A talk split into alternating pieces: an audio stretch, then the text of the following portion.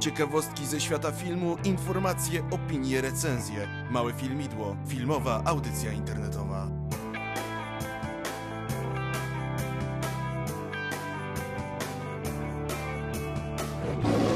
Zaprasza Jan Urbanowicz.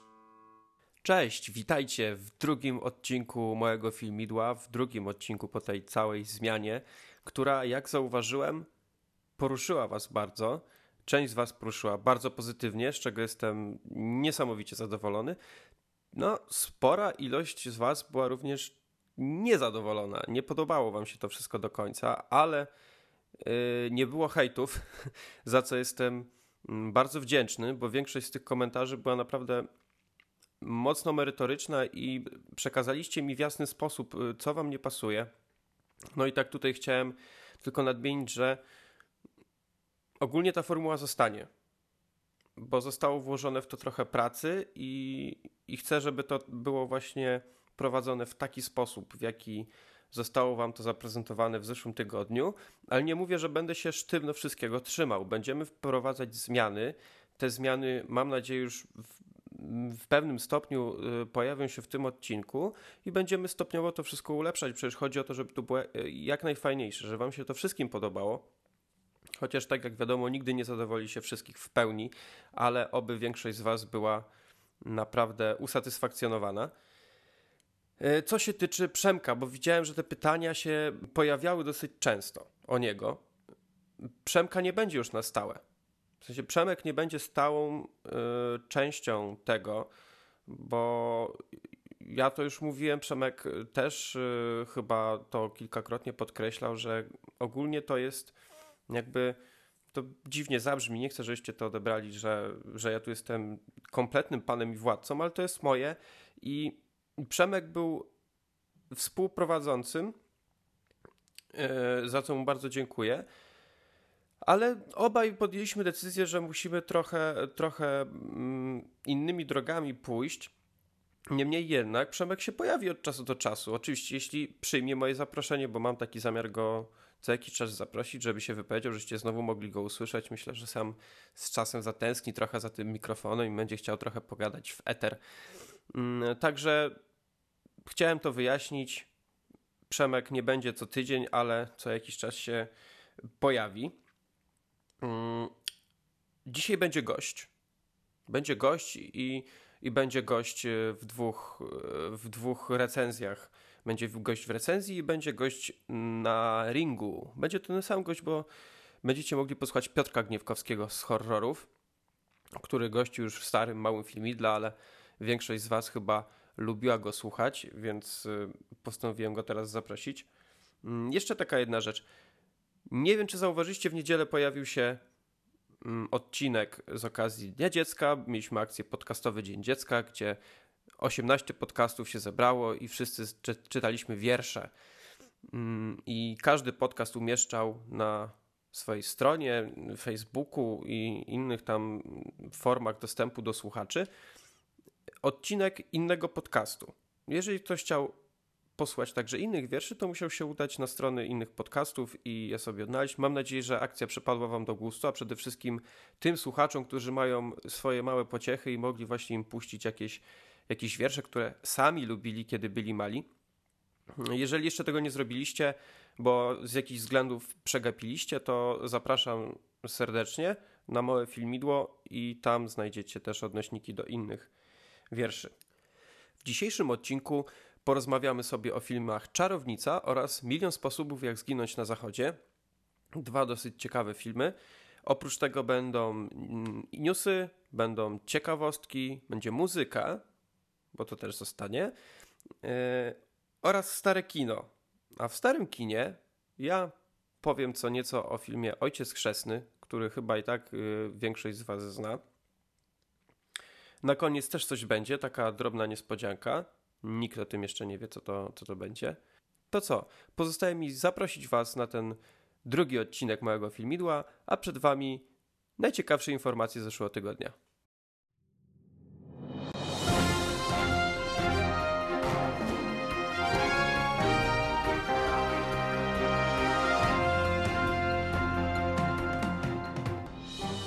Długiego czasu zapowiadane jest powstanie trzeciej części filmu Pogromcy Duchów. W latach 80. powstały dwie części z plejadą aktorów komediowych. Wystąpili w nich m.in. Bill Murray, Dan Aykroyd, Harold Ramis czy Rick Moranis, a same filmy odniosły ogromny sukces i zyskały miano kultowych na całym świecie. Studio Sony, jako jednego z kandydatów do reżyserii trzeciej części, bierze rzekomo pod uwagę Rubena Fleischera, reżysera takich filmów jak Gangster Squad, Pogromcy Mafii czy Zombieland. Zdjęcia mają się rozpocząć na początku przyszłego roku. Szczegóły fabuły nie są znane, jednak oryginalni pogromcy duchów mają powrócić w niewielkich rolach epizodycznych. 1 sierpnia na ekrany kin wejdzie nowy film ze stajni Marvela Strażnicy Galaktyki. Łotrem, z którym strażnicy będą musieli się zmierzyć, jest Thanos, którego po raz pierwszy mogliśmy ujrzeć w scenie po napisach pierwszej części Avengers. Podano informację, że głos pod tę postać podłoży aktor Josh Brolin, którego w zeszłym roku mogliśmy zobaczyć w amerykańskiej wersji filmu Oldboy. W 2014 zobaczymy go również w drugiej części Sin City. Rzekomo Thanos pojawi się także w Avengers Age of Ultron oraz będzie głównym przeciwnikiem superbohaterów w Avengers 3. Colin Trevorrow, reżyser czwartej części Parku Jurajskiego, ujawnił szczegóły fabularne filmu. Dowiadujemy się, iż akcja będzie odbywać się 22 lata po wydarzeniach znanych z pierwszej części. Na wyspie Isla Nublar istnieje teraz w pełni funkcjonujący park wraz z safari, zoo, rezerwatem przyrody czy wesołym miasteczkiem. Codziennie odwiedza go 20 tysięcy ludzi. Głównym bohaterem będzie naukowiec badający zachowania raptorów. W filmie zobaczymy również dinozaura zmodyfikowanego genetycznie, ale pomysł ten ma iść o krok dalej niż ten znany z pierwszej części filmu. Amerykańska premiera zaplanowana jest na 12 czerwca 2015 roku, a w roli głównej m.in. Chris Pratt, którego niebawem zobaczymy w Strażnikach Galaktyki. Amerykański weekendowy box office. Na trzecim miejscu premiera, czyli Milion sposobów jak zginąć na zachodzie. Na drugim spadek z pierwszego X-Men Przyszłość, która nadejdzie. Natomiast na pierwszym miejscu w Stanach Zjednoczonych zeszłotygodniowa premiera Czarownica, która w weekend otwarcia zarobiła tam 70 milionów dolarów.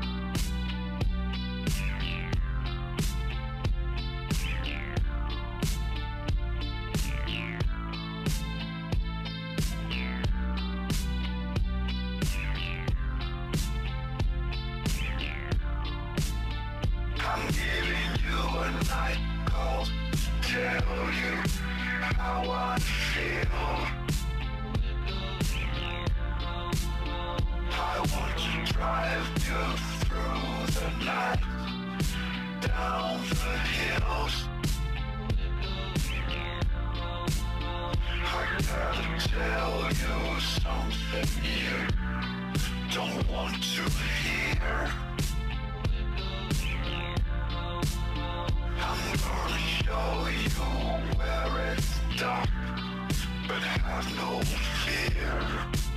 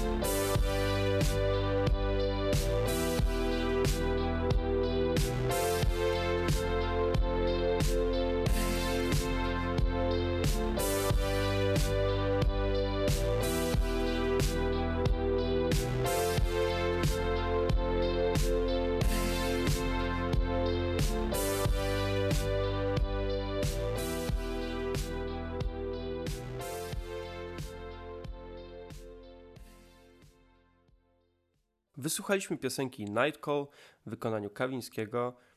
Piosenka znalazła się m.in. na ścieżce dźwiękowej do filmu Drive z 2011 roku z Ryanem Goslingiem. Filmu, który swoją ogromną popularność zdobył m.in. ze względu na Ryana Goslinga, ale także przez tą ścieżkę dźwiękową, która jest bogata y, w masę świetnych piosenek i kapitalnych utworów. Jeżeli ktoś jeszcze tej ścieżki dźwiękowej nie słuchał, to ja gorąco polecam. Ten utwór poleciał dlatego, gdyż jest to idealna piosenka na wieczór. No, w sumie mamy już, jesteśmy już po godzinie 20, więc myślę, że części z Was przynajmniej pomogło ona się trochę odprężyć i przygotować Was na dalsze słuchanie mojego filmidła. A teraz zapraszam Was na premierę. Piotrek Gniewkowski się pojawi, a po premierze kilka filmowych ciekawostek.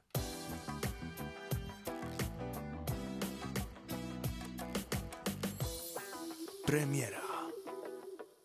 Jest z nami Piotrek Gniewkowski, którego mieliście kiedyś okazję już posłuchać w starej formule mojego filmidła. Piotrek prowadzi bloga. Nigdy nie mogę wypowiedzieć tej nazwy, mówię na to chamski.com.pl, on zaraz was sprostuje. Jest także z Facebooku horrory, ale ostatnio nie tylko o kinie, ale także o teatrach pisze i o innych fajnych rzeczach związanych z kulturą. Cześć Piotrze, witam cię serdecznie. Cześć Jasiu, od razu chamski, jestem niekulturalny.pl, miło mi was wszystkich słyszeć i faktycznie piszę też o teatrze, piszę o kinie, a nawet będę pisał o modzie niedługo, mimo wszystko. Będziesz, będziesz szafiarką? E, Nie do końca, ale będę opowiadał o ludziach, którzy tworzą modę. Okej. Więc będzie, będzie ciekawie, zapraszam Czyli na niekulturalny.pl, będzie super, no. Czyli będziesz y, za, zapleczem szafiarek. E, Można to tak powiedzieć, mam nadzieję, że poznam Kasię Tusk. Kasia Tusk, y, jeżeli chcesz, to jestem wolny, dziękuję. A, rozumiem, chcesz się w rodzinę wkupić. Boże, w taką rodzinę się wkupić, wiesz ile tam kasy jest? No, domyślam się. No właśnie, oni śpią na poduszkach. Przecież jak, jak oni jadą na tą powódź, to oni mają tą kurtkę ocieplaną pieniędzmi. Dobrze, y, dzisiaj porozmawiamy sobie mm, dwa razy, bo najpierw zmierzymy się z nową komedią Sefa MacFarlane'a, czyli Milion sposobów jak zginąć na zachodzie, a później wejdziemy na ring, gdzie będziemy do ostatniej krwi walczyć na temat czarownicy. The American West is a terrible place in time. Everything out here that's not you wants to kill you. Angry drunk people, hungry animals, outlaws. Oh, the fucking doctor. I couldn't save her. She had a splinter. Doc, what the hell were you supposed to do? No ale dobrze, zacznijmy, zacznijmy od pierwszego filmu. Seth e, MacFarlane, który stworzył kultowego już Family Guy'a, e, jakiś czas temu dał nam Teda i teraz powraca ze zwariowaną komedią, e, która jest mm, na Dzikim Zachodzie się dzieje. I gra tutaj właśnie e, sam reżyser, on napisał również scenariusz, gra Charlie Theron, Amanda Seyfield, yy, Liam Neeson, Giovanni Ribisi, Neil Patrick Harris czy Sarah Silverman, czyli yy, ta niewyparzona mm, komiczka amerykańska. Dziewczyna z moich snów, szczerze mówiąc. Zawsze jak ją oglądam, to myślę sobie, Boże, te piersi i, i ona też. To chciałbym ją mieć. całą. Ona, ona tu gra taką ciekawą rolę, bo gra, gra prostytutkę, która swojemu chłopakowi mówi, że nie będzie z nim uprawiać seksu, bo są chrześcijanami i trzeba poczekać do ślubu. E, Dokładnie. No ale słuchaj, ja poszedłem na film. Nie miałem jakichś e, bardzo wygórowanych e, wymagań. Po prostu chciałem się dobrze bawić. Poszedłem na film sam. mm, I z takimi komediami często bywa, że właśnie jak się pójdzie samemu, to nie do końca, ale tutaj jednak bardzo dobrze się bawiłem. E, Jak było w Twoim przypadku? E, W moim przypadku nie poszedłem sam, więc faktycznie mogę już powiedzieć zupełnie inaczej e, niż ty. E, Sala rżała, moja partnerka Patrycja, pozdrawiam, rżała, też dosłownie jak koń. Leżeliśmy w fotelach, ponieważ no, ja- jakby, jakby to powiedzieć, wiemy kim jest Seth, wiemy jak wygląda Family Guy, wiemy jak wygląda American Dead czy Cleveland Show. E, No i to jest film o kupie. Właściwie o bardzo dużej ilości kupy i moczu. I wszystkiego, co może się stać na Dzikim Zachodzie. Ponieważ jest tutaj dużo gore, jest dużo krwi lejącej się. Ludzie giną dosłownie co chwilę. No i czasami jest kupa. Znowu to powtórzę. No, z kupą to jest zwłaszcza później taka scena, taka no, ba bardzo rzadka scena, że tak powiem. bardzo rzadka scena, gdzie to jest już po prostu szczyt filmowy, jak dla mnie.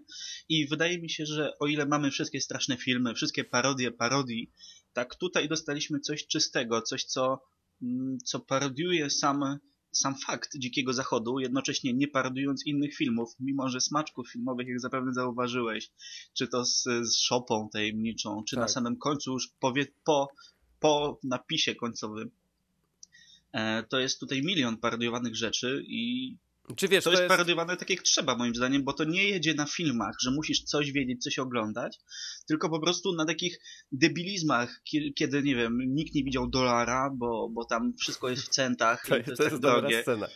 Dokładnie i to pokazuje, jeżeli wiesz, jak dzisiaj wygląda Ameryka mniej więcej, to e, dzięki temu cieszy cię to, co widziałeś wtedy, kiedy, kiedy oni na przykład najważniejszą wartością człowieka jest dla nich wąs e, pod nosem i tylko bogacze mają, bo nie stać ich na eliksiry magiczne, żeby te wąsy utrzymać, więc Y, Generalnie jak obejrzałem ten film, ty widziałeś taki film Mela Brooksa Płonące siodła?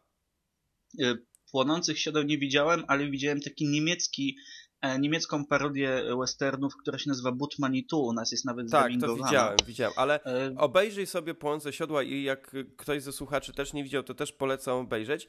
Mel Brooks, więc klasa sama w sobie.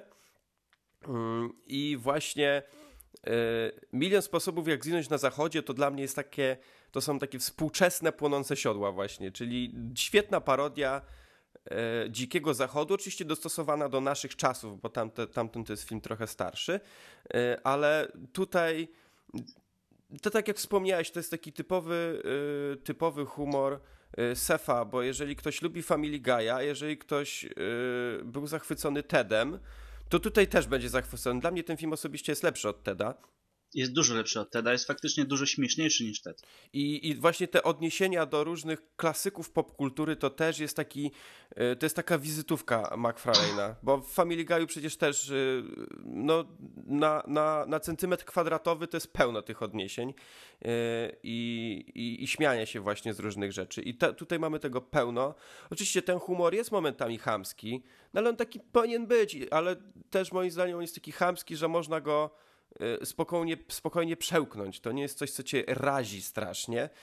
Mm, No i ten film ma jeszcze jeden bardzo duży plus, ale to bardzo duży plus, czyli Charlize Theron. Oj, ona jest piękna. Bo W tym filmie jest naprawdę piękna, jest mądra, jest po prostu taką fajną, idealną kobietą, aż nie pasuje do Dzikiego Zachodu. właśnie, bo pomijając to, że ona jest piękna, to ona jest tutaj bardzo naturalna w tym filmie. Bo Charlize Theron większość kojarzy z jakichś filmów y, troszkę poważniejszych. No w końcu laureatka Oscara za Monster i, i tego typu y, filmach, czy czasami jakiś film akcji. A tutaj mamy komedię i ten humor, który ona reprezentuje, nie jest w ogóle wymuszony. To wszystko jej przychodzi bardzo naturalnie. Wierzymy w to, co ona mówi. Zresztą ona była też świetna, jeśli chodzi o komedię w Hancocku y, z, ze Mhm, Willem mhm. Smithem. Tam też bardzo fajnie zagrała. I bardzo, bardzo jestem mm, pozytywnie zaskoczony właśnie tą aktorką. Mm, Liam Neeson te też fajnie wypadł. On z tym swoim takim naturalnym irlandzkim akcentem tutaj gadał i scena z kwiatkiem. Scena z kwiatkiem. Oj, zastanawiałem się, czy to dubler, czy to faktycznie on, natomiast bardzo odważna scena, jak na takiego aktora podobało się faktycznie. Ale trzeba też powiedzieć, że w ogóle wszyscy aktorzy, łącznie właśnie z Setem w głównej roli, są praktycznie wyśmienici. Ja tylko Amandy nie lubię. Amanda dla mnie zawsze jest drewnem. Natomiast wszyscy aktorzy są poprowadzeni tak jak trzeba. Y, Giovanni Ribisi, który właśnie tym chłopakiem y, prostytutki, po prostu jak siedzi w tym salonie samotnie i patrzy na to wszystko, jest taki smutny. No i tak właśnie Neil Patrick Harris, który jest tym wąsatym królem, jak śpiewa piosenkę o wąsach, no coś, coś pięknego. Wszyscy tutaj aktorzy, praktycznie bez wyjątku, właśnie dla mnie tylko z tą Amandą, zagrali wyśmienicie, zagrali bardzo, y, bardzo płynnie, bardzo śmiesznie i mimo to, że grali z powagą, jak Liam Neeson, który wiecznie ma taką poważną twarz i wiecz, wiecznie jest y, wściekły i zawiedziony, taki, tak, tak, taki powiedzmy, to wszyscy zrobili to, co trzeba i jak na taką komedię, w której no może nie jest to film 43, który ostatnio gdzieś tam leciał, który był naprawdę e, świńsko-chamski, ale tutaj też nie jest lekko. Tutaj jest właśnie dużo dowcipów fekalnych, dużo dowcipów o penisach, e, dużo dowcipów e, filmowych. No jest to, jest to taki dziwny film, w którym ci aktorzy, dobrzy aktorzy, poradzili sobie całkiem nieźle, jak sądzisz. Myślę, że ten film nie spodoba się wszystkim, bo nie każdy lubi taki rodzaj humoru, ale ludzie, którzy, no, którym on nie przeszkadza, to będą tym filmem naprawdę zachwyceni. Tak mi się przynajmniej wydaje. I ja mm, po zeszłym tygodniu, bo w pią- piątek właśnie wszedł ten film do naszych kin, czytałem trochę w polskim e, internecie jakichś takich opinii, że e, że jest właśnie dużo chamskiego humoru czy coś, no to jak ktoś, jak ktoś idzie na taki film, y, nie znając jakby twórczości y, reżysera i tego, co on robi, y, i myśli, że nie będzie, i idzie na taki film, myśląc, że to będzie coś bardzo delikatnego i po prostu ha, ha, ha, no to, to robi błąd. Więc Dokładnie. Jeżeli, jeżeli ktoś, y, y, nie wiem, nie przepada za takim humorem, to może niech wcześniej sobie w domu obejrzy kilka odcinków Family Guy'a, nawet na jakimś YouTubie, y, czy obejrzy sobie Teda. I wtedy, I wtedy zdecyduje, czy ten film może mu się spodobać, bo inaczej moim zdaniem trochę to nie ma sensu. Ale tutaj podobało mi się też takie naprawdę y, taki y, humor, tam taka scenka jest to ten główny bohater przychodzi do domu, ojciec siedzi w fotelu i tak you're late. For what? Fair enough. Kurde, po prostu mnie to tak rozbroiło. E, Dokładnie. Naprawdę. I, i, I jeszcze raz powiem o tych odniesieniach do, do popkultury. Mm, zwłaszcza o- w tej w shopie, o której wspomniałeś. Ja, Mhm. byłem, ja chyba się najgłośniej śmiałem na całej sali.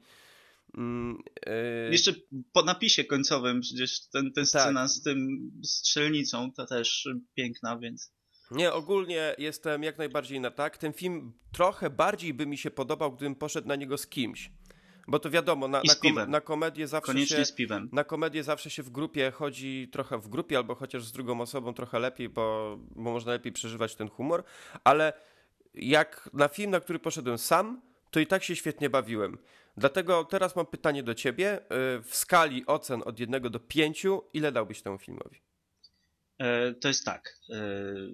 Fajna skala. Muszę się do niej przyzwyczaić, dlatego coś powiem. Film, jak sam powiedziałeś, ma mnóstwo odniesień. Trzeba wiedzieć, e, o co chodzi. Trzeba znać Teda, trzeba znać Family Guy'a i w ogóle chociaż wiedzieć, kim jest e, Seth, czyli reżyser i główny aktor. Ponieważ na przykład podczas, e, podczas indiańskich modłów, gdy on mówi po indiańsku, na przykład częścią mowy indiańskiej jest nazwisko aktorki Mila Kunis. Trzeba wiedzieć, dlaczego on powiedział wtedy to nazwisko. A na przykład, jeżeli ktoś nie wie, to dlatego, że ona bodajże była w Tedzie postacią, plus dubbinguje jeszcze w Family Guy'u główną postać. Dlatego wszystko to trzeba wiedzieć. Trzeba być przygotowanym na to, że nie jest to parodia y, z jakaś leciutka, gdzie po prostu przewracają się na bananie. Trzeba być przygotowanym na to, że to jest, że to jest wszystko, co Seth potrafi wymyślić. No i w skali od 1 do 5 po moim zdaniem fajnym, fantastycznym pomyśle na TEDa, ale zupełnie nieśmiesznie zrealizowanym tym pomyśle, e, to jest wreszcie śmieszne i ja daję 5. No. Więc. Da, e, dałem, to, dałem 10 u siebie, więc. e, no tak, to adekwatnie trzeba. Dla mnie to jest film. Ja tak troszkę myślałem nad, nad tym, bo tak, tak jak mówię, starałem się wziąć pod uwagę, co jest jak się pójdzie samemu, co jak się pójdzie nie samemu, ale ostatecznie w kategorii komedii i w kategorii takiej e, właśnie jeszcze parodii, fajnie zrealizowanej, to ja daję takie mocne 4 na 5. Epicko. Naprawdę, naprawdę to jest y, według mnie film y, wart takiej oceny, bo można się znakomicie, znakomicie można się na nim bawić. Jeżeli ktoś oczywiście lubi taki humor, no bo też nic na siłę, ale jeżeli kto, ktoś y, taką formę humoru akceptuje, to jak najbardziej. No dobrze. Y, Kończymy o, o filmie. Zapraszam Was teraz jeszcze na dalszy ciąg odcinka, a my się jeszcze z Piotrem spotkamy na ringu. Ciekawostki filmowe.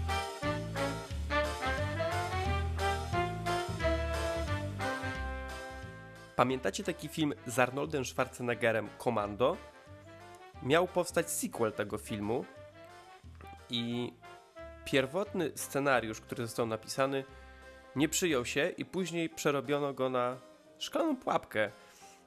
I zaczęto szukać aktora, który mógłby zagrać Johna McClane'a. Bruce Willis, który tę rolę ostatecznie zagrał, był dopiero szósty w kolejce. Przed nim znalazł się m.in. Arnold Schwarzenegger, Sylvester Stallone czy Mel Gibson. Ale jak dobrze wszyscy wiemy, ostatecznie wybrano Willisa i była to rola, która otworzyła mu drogę do tej wielkiej międzynarodowej kariery, więc cieszmy się, że mamy Bruce'a Willisa, a mm, Johna McClana nie zagrał na przykład właśnie Mel Gibson czy chyba Richard Gere, który również był brany pod uwagę. Część z Was pewnie oglądała taki film Zodiak, który wyreżyserował David Fincher. Jest to opowieść o poszukiwaniu yy, seryjnego mordercy, który faktycznie istniał w Stanach Zjednoczonych, ale nigdy go nie złapano. W tym filmie gra m.in. Robert Downey Jr.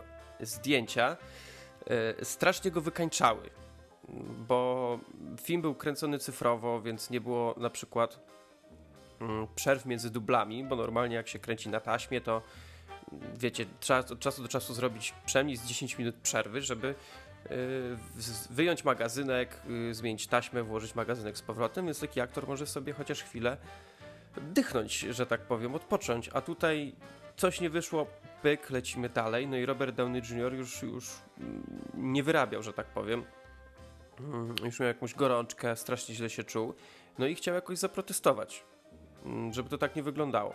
W ramach protestu zostawiał na całym planie w kącie mm, słoiki wypełnione jego własnym moczem, które zapełniał, y, gdy nie miał czasu iść do toalety. No i właśnie taki był jego protest, dość ciekawe. Mam nadzieję, że więcej nie musiał tego robić, a cała ekipa nie musiała też tego więcej doświadczać. A teraz taka ciekawostka muzyczno-filmowa poniekąd, bo kiedy Steven Spielberg po raz pierwszy pokazał Johnowi Williamsowi zmontowaną listę Schindlera, w której, y, do której Williams skomponował muzykę, ten był tak poruszony tym filmem, że musiał wyjść na kilka minut na zewnątrz i sobie e, ochłonąć. Musiał dojść do siebie. Po powrocie podszedł do Spielberga i powiedział mu, że ten zasługuje na lepszego kompozytora, mm, żeby stworzył muzykę do tak pięknego filmu.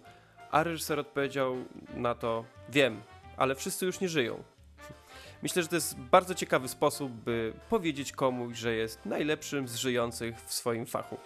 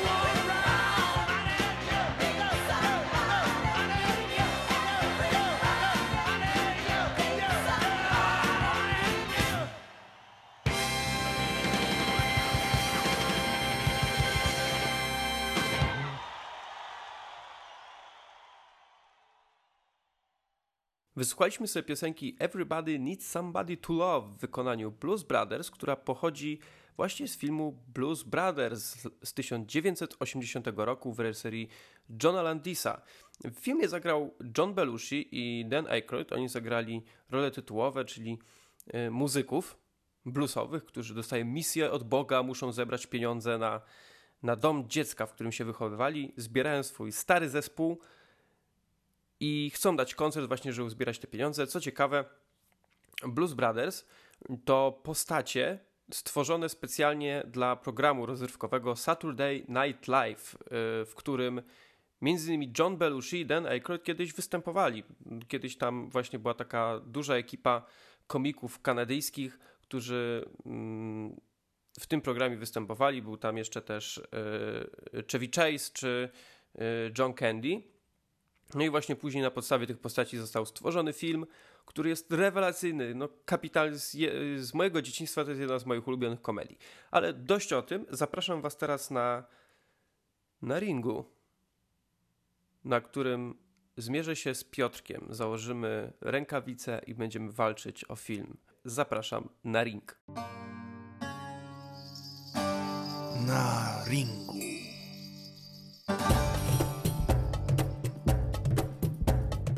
Piotrek zakłada rękawice. Ja też. Czekamy na pierwszy gong. Mam, będzie źle, będzie bardzo źle. I będziemy walczyć o czarownicę.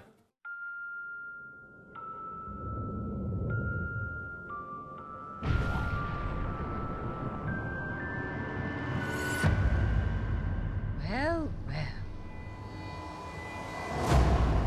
I shall bestow a gift on the child. Before the sun sets on her 16th birthday, she will fall into a sleep like death.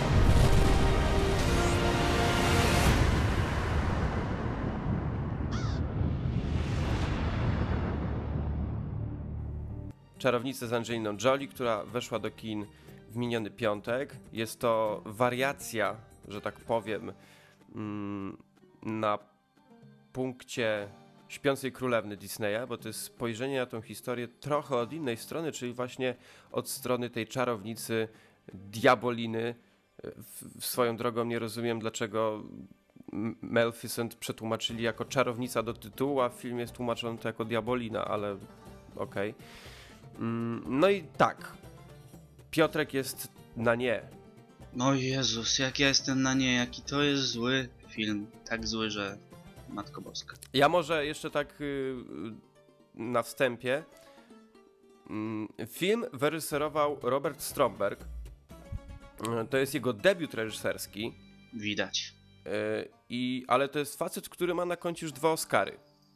Bo on dostał Oscary za scenografię do, mm, do Awatara i do Alicji w Krainie Czarów Bartona. I to jest, to jest niezwykłe, że Disney drugi raz zrobił y, coś takiego, że powierzył film z ogromnym budżetem y, prawiczkowi re- reżyserskiemu, że tak powiem. Bo wcześniej jak zrobili Tron Dziedzictwo, to Józef Kosiński też wcześniej nie zrobił żadnego e, filmu mm, jako reżyser, a dostał film za 170 baniek. Mm, A tutaj mamy budżet prawie 200. Wiesz co, no prawda jest taka, że to jest film Disneya, film Disneya z Angeliną Jolie i jeszcze film Disneya oparty na Śpiącej Królewnie, więc choćby dali to i mi i tobie, to i tak odniesie to sukces, więc co za różnica w sumie. Mm. To może zacznę ja. Bo ja nie to, że jestem jakimś wielkim fanem tego filmu, bo nie jestem, ale ma kilka plusów, które naprawdę naprawdę mnie się podobały. Pierwszym tym plusem, i już wiem, jaka będzie twoja kontra do tego, dla mnie jest Angelina Jolie.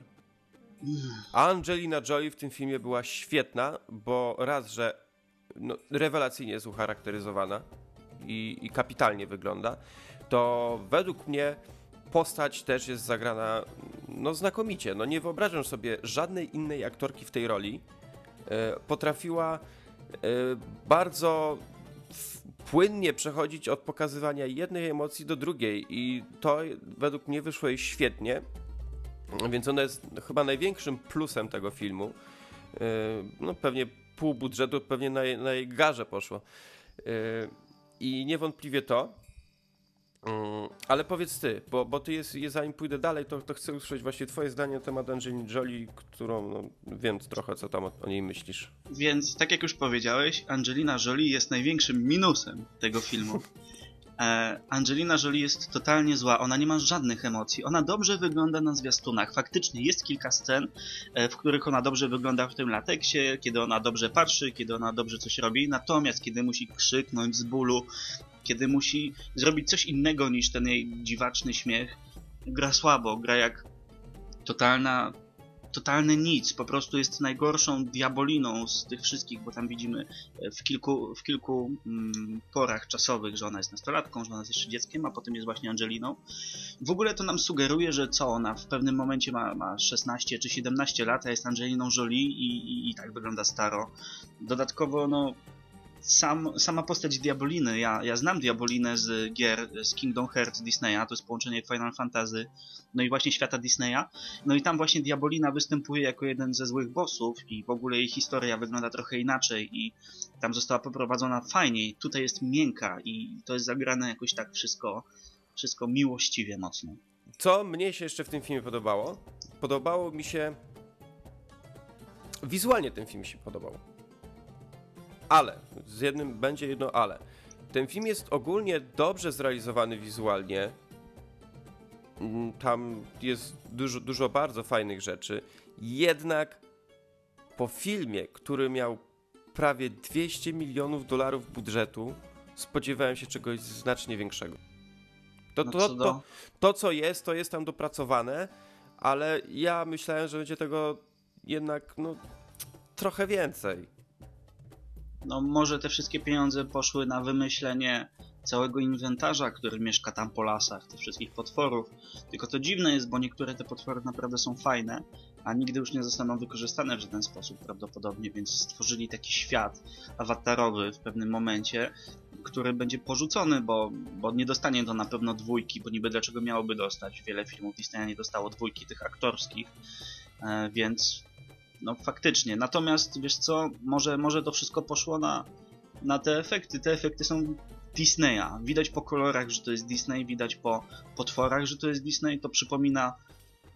Boże, co to przypomina? To przypomina każdy film przygodowy stworzony po Harrym Potterze. Że niby coś jest, ale tak naprawdę to nie jest do końca to. Jak sądzisz? Możliwe. Możliwe, że to właśnie ta, tak jest, bo. To tak, tak to jest, że oglądasz ten film i wiesz, że to jest Disney. No Nawet jak, widać. jakby nikt ci nie powiedział, nawet gdybyś nie wiedział, że, że, że Diabolina to jest postać Disneya, yy, czy nie tylko Disneya, ale stworzona przez Disneya między innymi, to, to byś wiedział, że to jest Disney, że to tak wygląda. W tym filmie gra jeszcze pewien aktor, którego mogliśmy zobaczyć między innymi yy, w Elysium w zeszłym roku. Yy, Wcześniej grał w Dystrykcie 9. To jest Sharto Copley. On grał króla Stefana tutaj. I ja go oglądam i się zastanawiam, dlaczego ten facet zawsze musi grać świrów. Bo przecież ten, No. król, był- ten król był świrem. No był i to w sumie na początku, na początku jak był dzieckiem to nie, a potem mu odbiło bez powodu zupełnie. Oj, to będzie kolejne co chciałem powiedzieć o logice tego filmu. I, I film, i generalnie aktor y, gra zawsze świrów, ale dobrze mu to wychodzi, według mnie. Y, po, jego rola też mi się tutaj podobała i wzbudzała tą moją y, niechęć. Co mi się trochę może. Nie, kurde, mi- mieliśmy walczyć o ten film, a ja zaczynam też, też na niego narzekać. No i dobrze, no to bo pomyśl twoja- sobie chociażby twoja imiona. Twoja Jakie to były wina. imiona? Diabolina, Aurora i Król Stefan. No, król Stefan. Dla mnie przede wszystkim ten film był mm, momentami nudny. On, on, on naprawdę mi się dłużył w pewnych momentach. Ja siedziałem i patrzyłem na zegarek, myślałem rany. A ma No. tylko 97 minut. No to jest z tylko napisami. półtorej godziny film, więc to, to jest troszkę coś nie tak. No i kurde, pół, półtorej godziny film, 200 baniek budżetu i, i nie urywa tyłka, przynajmniej wizualnie. Mm, Więc to, to, to jest troszkę dziwne dla mnie i, i wyszedłem taki lekko rozczarowany z kina. No po zwiastunach i po tym, co w ogóle miało się okazać, jakie to miało być mroczne, jako miało być prawdziwe, to okazuje się, że dostaliśmy inną wersję i to też miłą wersję, To, właśnie to jest też trochę minus, bo tak jak mówisz, ja się spodziewałem czegoś trochę bardziej mrocznego. Y, To, I nie do końca leży mi to takie wybielanie y, negatywnych bohaterów. No negatywni to już negatywni, no i już zatrzymajmy się tego, to tak jakby teraz nakręcić Króla Lwa o skazie, który się okazuje, że miał gruźlicę i walczył o Poza przetrwanie. tym, poza tym i coś. jakby motywacja Diaboliny do tego, żeby przejść tą swoją przemianę, moje, dla mnie to wszystko się sta- stało e, za szybko. To było takie, u, jestem, jestem dobrą wróżką, zbieram pyłek i wszystkim daję uśmiech, ale facet y, mnie zranił, to nagle staje się tą złą, jestem jędzą i zabiję wszystkich. I to tak od razu. I to wszystko było 5 minut, to była jedna scena, po prostu... Znaczy, nie, nie, nie chcemy spoilerować, ale generalnie logiki tutaj nie ma. W, no, w pewnym momencie właśnie, kiedy facet ją zdradza, to z dobrej, z najlepszej, z cudownej dziewczyny, która broni całego lasu, która tam chce walczyć z królem, który chce zaatakować ten las. Nagle w ogóle, y, oczywiście, zasłania niebo chmurami, zaczyna padać deszcz, zaczynają się dziać cuda, wszystkie zwierzęta się jej zaczynają bać, wszystko się chowa, jest czarne, ona siedzi na tronie ścierni i właściwie nikt nie wie po co. Jest to jajebie. To nie da się tego w ogóle wytłumaczyć. O chuj tu chodzi. Dokładnie większość zwierząt jest nadal przestraszonych i dobrych. Te wróżki chrzestne trzy, mimo że były w tym krainie e, tych, tych, tych, tych zwierzątek, nagle idą do krainy ludzi, której się bały. Przecież w pierwszej scenie one mówią, o człowiek, człowiek wszedł, boimy się człowieka, a potem niosą dary dla tej księżniczki. Jest tego więcej. Jest na przykład taka debilna scena, że, że jadą do tego zamku księżniczki na koniach, bo ona ma tego, tego ptaka, tego faceta, co zamienia się w ptaka, w kruka i, i zamienia tego, tego kruka w konia. I jadą, żeby zdążyć do zamku i nie może zdążyć do zamku. Ja sobie myślę, ja jebie, to sobie trzeba było stworzyć jakiegoś kurwa ptaka i na tym ptaku polecieć. I co sobie widzę w następnej scenie? Że stwarza tego kruka w smoka. Już za późno, już za późno, ale umie go stworzyć w smoka. No to nie mogła go stworzyć w coś, co, co dojechałoby na czas, no to jest bez sensu. Jeżeli, jeżeli na przykład jest scena, gdzie ona potrzebuje ognia, to możecie być pewni, że ona polegnie, że ją zabiją ze dwa razy i wszystko, a dwie sceny później, kiedy ognia nie potrzebuje, to ona go wyczaruje i użyje. Dodatkowo motywacje bohaterów są tak idiotyczne. Ten król Stefan zdradza bez powodu wszystkich w kółko. Okazuje się, że on jest najgorszą postacią. Znaczy to wiadomo, to nie jest spoiler w ogóle. Mm. Wszyscy, którzy są dobrzy, nagle stają się źli, a z Diaboliną jest największy kłopot, bo w ogóle nie wiadomo, czy jest zła, czy jest dobra, a nawet jak jest, to to wszystko jest po 5 minut i jej się co chwila odmienia. No jest to słabe. No, wiesz co, jak, jak tak sobie ciebie słucham, to myślę o tym, że no, mam podobne zdanie w wielu, wielu aspektach i widzicie, widzicie jak to jest? Człowiek chce się pokłócić o film, bo wie, że tobie się podobał w miarę, a komuś się nie podobał, a ostatecznie myśli sobie, no dobra, mi też się ten film nie podobał. Ale pomyśl sobie jeszcze, jak te wróżki wyglądały. Jak Nie, miały... wróżki były strasznie kiepsko zrobione. były to- bardzo to- kiepsko zrobione. to- W dodatku jedna z nich to była z Harry'ego Pottera, ta, Wróżki, e, ta kobieta, co była e, z Ministerstwa Magii i ona tak źle wyglądała z tą dużą głową. wróżki, wróżki naprawdę, jak ja nie lubię się czepiać o takie rzeczy, to to nie wyglądało naprawdę jak efekty za 200 baniek. Nie, to One wyglądało były- jak słaba wersja jak Alicji z Krainie Czarów. Bardzo słaba. One wyglądały naprawdę jak zrobione na kompie w kilkanaście minut. No to taki, jak taki bardzo słaby render. Mnie, ja tylko powiem jeszcze rzecz, która mm, mnie się podobała, to była scena pewna i ta scena jest znana również z bajki, więc nie będzie spoileru. E, kiedy te wróżki, wiecie, Aurora się rodzi, wróżki przylatują, fiu, fiu, będziesz piękna, będziesz się śmiać i w ogóle, no i przychodzi Diabolina, e, mówi, no dobra, no to teraz ja wam popsuję imprezę i rzucę czar, urok, klątwę. E, I zaczyna tą klątwę rzucać. Boże, ale to jest świetna scena, znaczy ona świetnie wygląda, bo Diabolina oczywiście w tym swoim czarnym stroju, te rogi, czerwona szminka, jak ona się uśmiecha i te białe zęby je widać, no to wygląda zjawiskowo. E, I zaczyna rzucać ten czar, roz, e, e, rozporciera tak ręce i jakieś takie, wiecie, zielone, różne dziwne rzeczy. I to wizualnie to wygląda świetnie. Ta scena naprawdę była Owszem. koza kozacko zrobiona, no. Kozacka jest, tak. I gdyby cały film był zrobiony tak kozacko, to ja bym był wielkim fanem tego filmu. Ale To ja niestety, jeszcze- nie, niestety, niestety nie jestem, bo mimo, że widzę jego plusy, bo ma, ma trochę plusów, to minusów ma jednak no, nieco więcej. I to jest, to jest szkoda. Szkoda, bo to jest kolejny y, w tym sezonie lekko zmarnowany potencjał. Tak samo było z Godzillą. I nigdy jeszcze tego nie powiedziałem, ale powiem.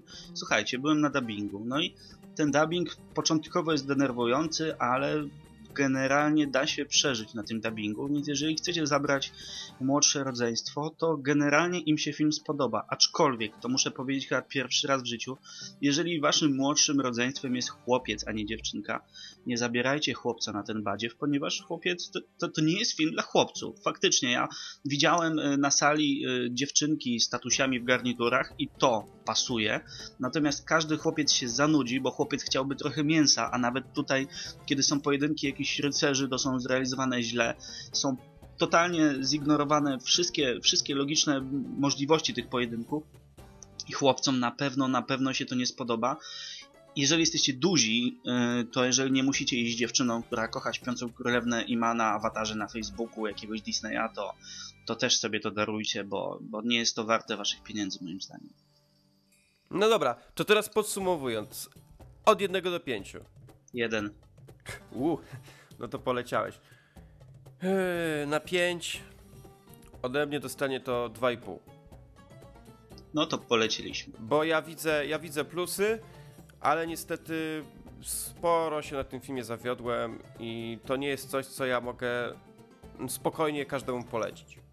To No, tak jak niestety mówisz, no, nie można. Niektórym osobom się spodoba, no niektórym, niektórym nie. Mnie do gustu nie przypadło. Angelina dla mnie świetna, wizualnie w wielu aspektach również, ale nie tego chciałem, nie tego oczekiwałem.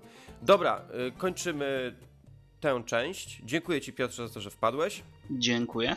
Mam nadzieję, że do usłyszenia niebawem. A teraz stare kino. Stare kino. Przypomnę Wam dzisiaj film, który chyba wszyscy doskonale znają, ale ja na przykład co jakiś czas lubię go sobie odświeżyć.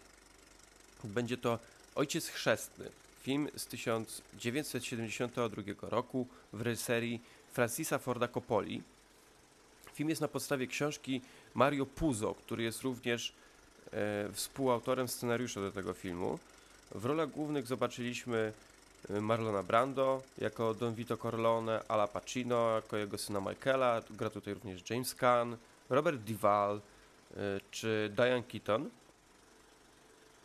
I film opowiada o rodzinie mafijnej Corleone z Nowego Jorku, ale nie wiem, czy powinienem opowiadać o czym jest ten film. No, o mafii ogólnie i to chyba najbardziej klasyczny już film o mafii, chyba najlepiej znany e, każdemu. No, nawet jeżeli ktoś nie widział tego filmu, to każdy słyszał o Ojcu Chrzestnym jako o filmie. Film e, zdobył trzy Oscary. Za najlepszy film, najlepszy aktor w pierwszoplanowej roli męskiej i to jest Marlon Brando. Również najlepszy, najlepszy scenariusz adaptowany. Marlon Brando, jak dostał Oscara, to go nie odebrał osobiście. Zbojkotował galę i zamiast jego osoby odbierała go Indianka w, w sensie tego Oscara. Mm, On chciał w ten sposób poka- tam zaprotestować przeciwko temu, co robią e, Indianom Amerykanie. Y, Nie wiem na ile to jest prawda, ale słyszałem, że to tak naprawdę nie była Indianka, tylko to nie była faktyczna Indianka z tego plemienia, y, za które się podawała, tylko to była jakaś aktorka, która grała rolę właśnie tej Indianki. Samą galę Oscarową zbojkotował również Al Pacino, który brzydko mówiąc obraził się, że został nominowany w kategorii y, najlepszy aktor drugoplanowy, a de facto na ekranie y, jest go znacznie więcej niż y, Marlona Brando, który dostał Oscara właśnie za, za główną rolę męską. Mm. Bardzo, mm, bardzo fajną, fajny proces był tworzenia tego filmu, zwłaszcza jeśli chodzi o scenariusz. Francis Ford Coppola miał taki zeszyt, można powiedzieć, z dużymi kartkami A4 czy, czy nawet jeszcze większymi i na środek tych, tych y, kartek przyklejał sobie strony książki. Miał więc na środku tą e, kartkę z książki i naokoło miał bardzo dużo miejsca, żeby mógł robić e, rozmaite notatki i właśnie w taki sposób powstawał między innymi scenariusz do tego filmu i on na planie bardzo dużo sugerował się tymi notatkami, czyli przy każdej scenie tam sobie zapisywał, jak chciałby, żeby ta scena wyglądała w filmie. Moim zdaniem to jest e, bardzo fajny pomysł. E, Film ma także e, wspaniałe zdjęcia, do których autorem jest Gordon Willis. On robił zdjęcia do wszystkich ojców chrzestnych.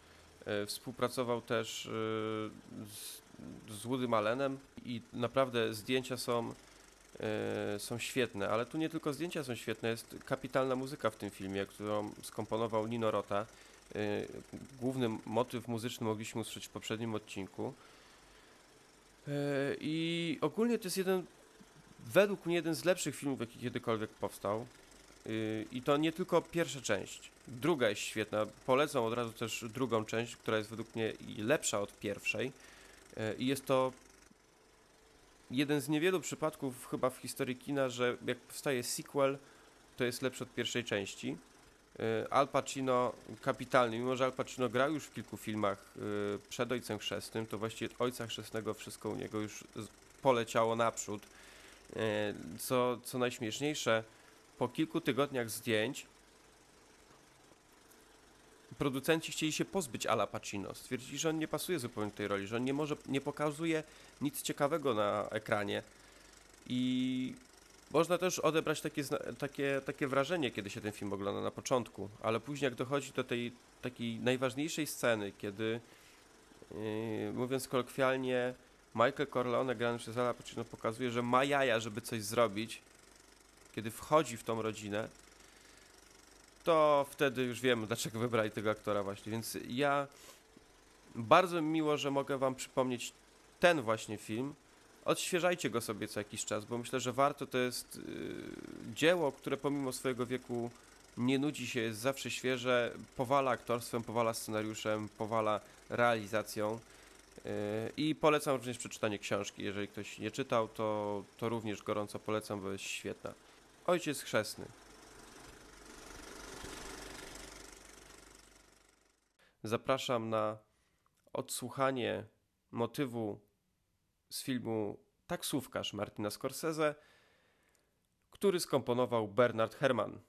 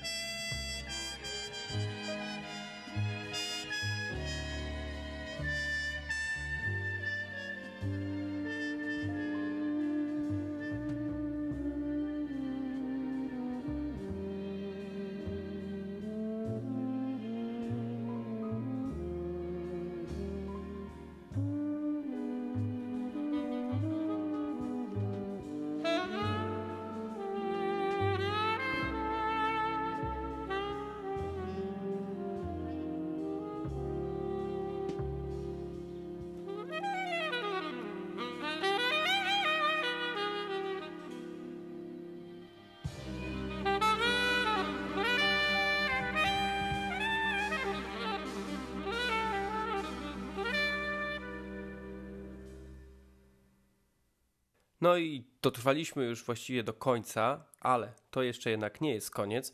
Powiem Wam teraz, co wchodzi w nadchodzący weekend do kin. Będziemy mieli okazję zobaczyć film Gwiazd z naszych wina. Jest to dramat taki romansowy, który mm, pewnie część e, chciałaby zobaczyć. Powstał na podstawie książki. Mm, Drugim filmem jest Na skraju jutra, nowy futurystyczny film akcji e, z Tomem Cruzem i Emily Blunt.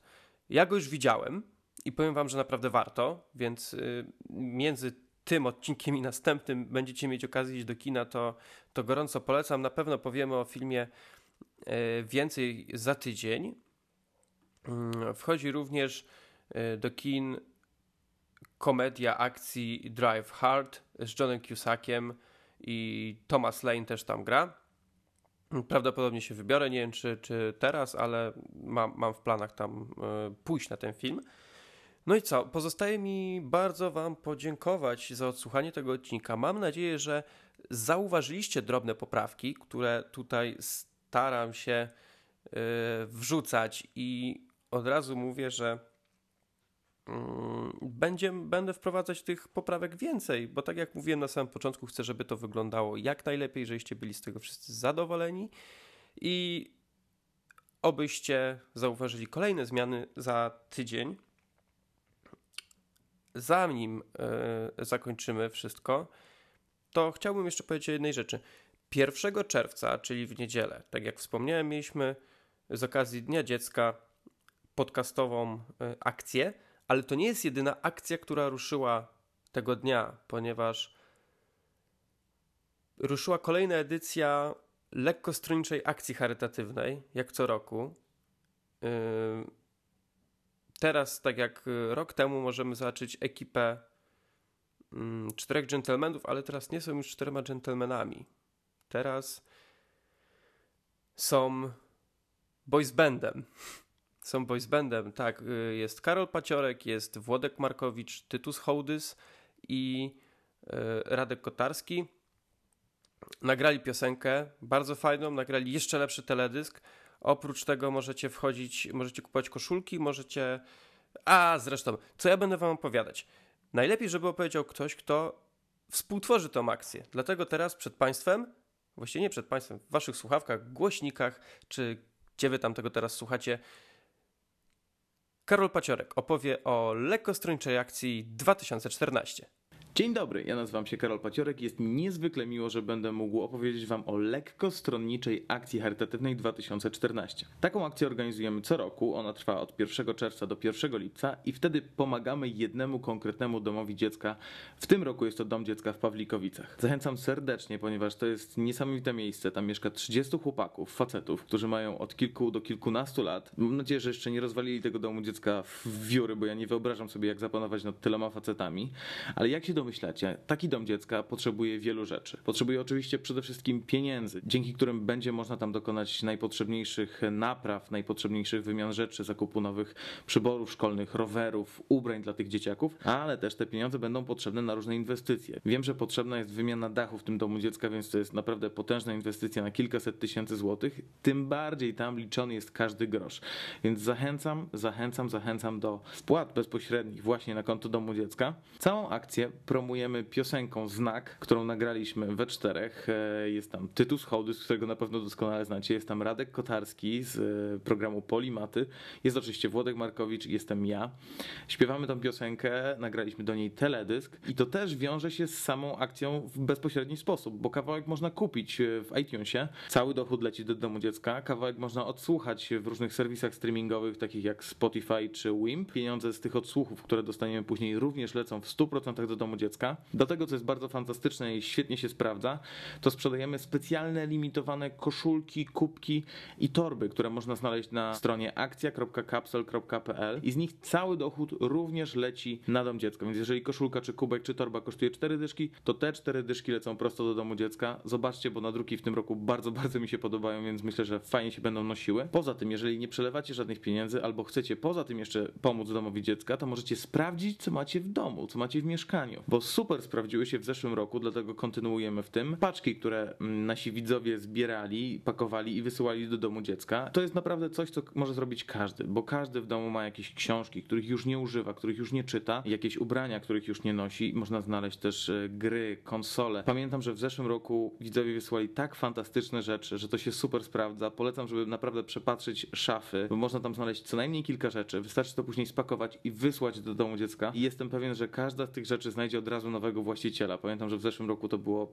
super sukcesem i w tym roku myślę, że będzie podobnie, więc zachęcam. Mam nadzieję, że uda się zebrać jak najwięcej. A, jeszcze jedno, jeszcze jedno. To jest Allegro, bo na Allegro można nasze rzeczy licytować. Wystawiliśmy tam kilka bardzo spoko aukcji. Na jednych są ciuchy, w których wystąpiliśmy w teledysku. Są to ciuchy Mr. Google, więc 100% w ogóle hipsteryzmu. Licytuje się moja pomarańczowa bluza Nike, w której bo, występowałem w wielu odcinkach lekkostronniczego, więc też zachęcam. I jest też mega unikat. To jest baner, który Tytus Hołdys zrobił na jedno z lekkostronniczych piw, które odbyły się w chwili. Dawno, dawno temu, bo w 2011 roku. Wszystkie szczegóły akcje, numery konta, licytacje, kawałki, te koszulki, kubki, wszystko, wszystko znajdziecie pod adresem lekkostronniczy.tv ukośnik akcja. Wpadajcie tam. Zachęcam bardzo serdecznie. Dziękuję pięknie za słuchanie. Trzymajcie się. Pozdrawiam wszystkich słuchaczy Małego Filmidła. Pa, pa.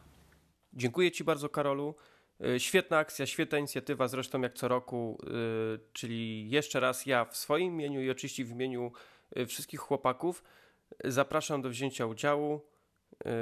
Koszulki, kubki, wpłata pieniędzy bezpośrednio na konto, piosenka w iTunes, wszystko róbcie, albo przynajmniej pomóżcie na tyle, na ile możecie, bo naprawdę warto, świetna inicjatywa.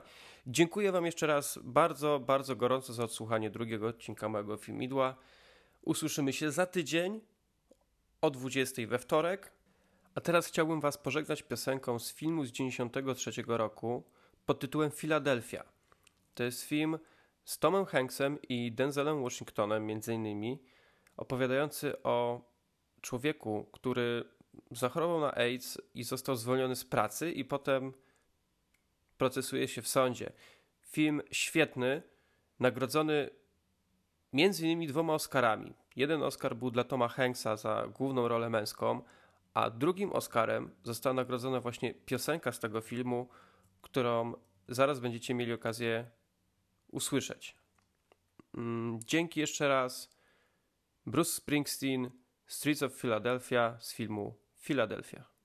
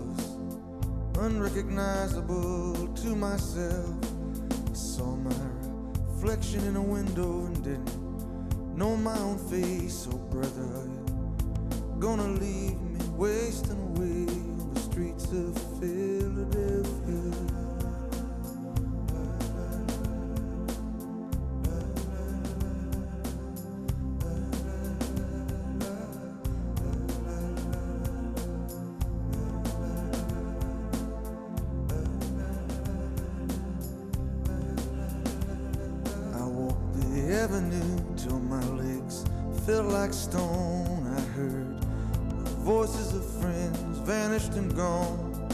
At night I could hear the blood in my veins, just as black and whispering as the rain on the streets of Philadelphia.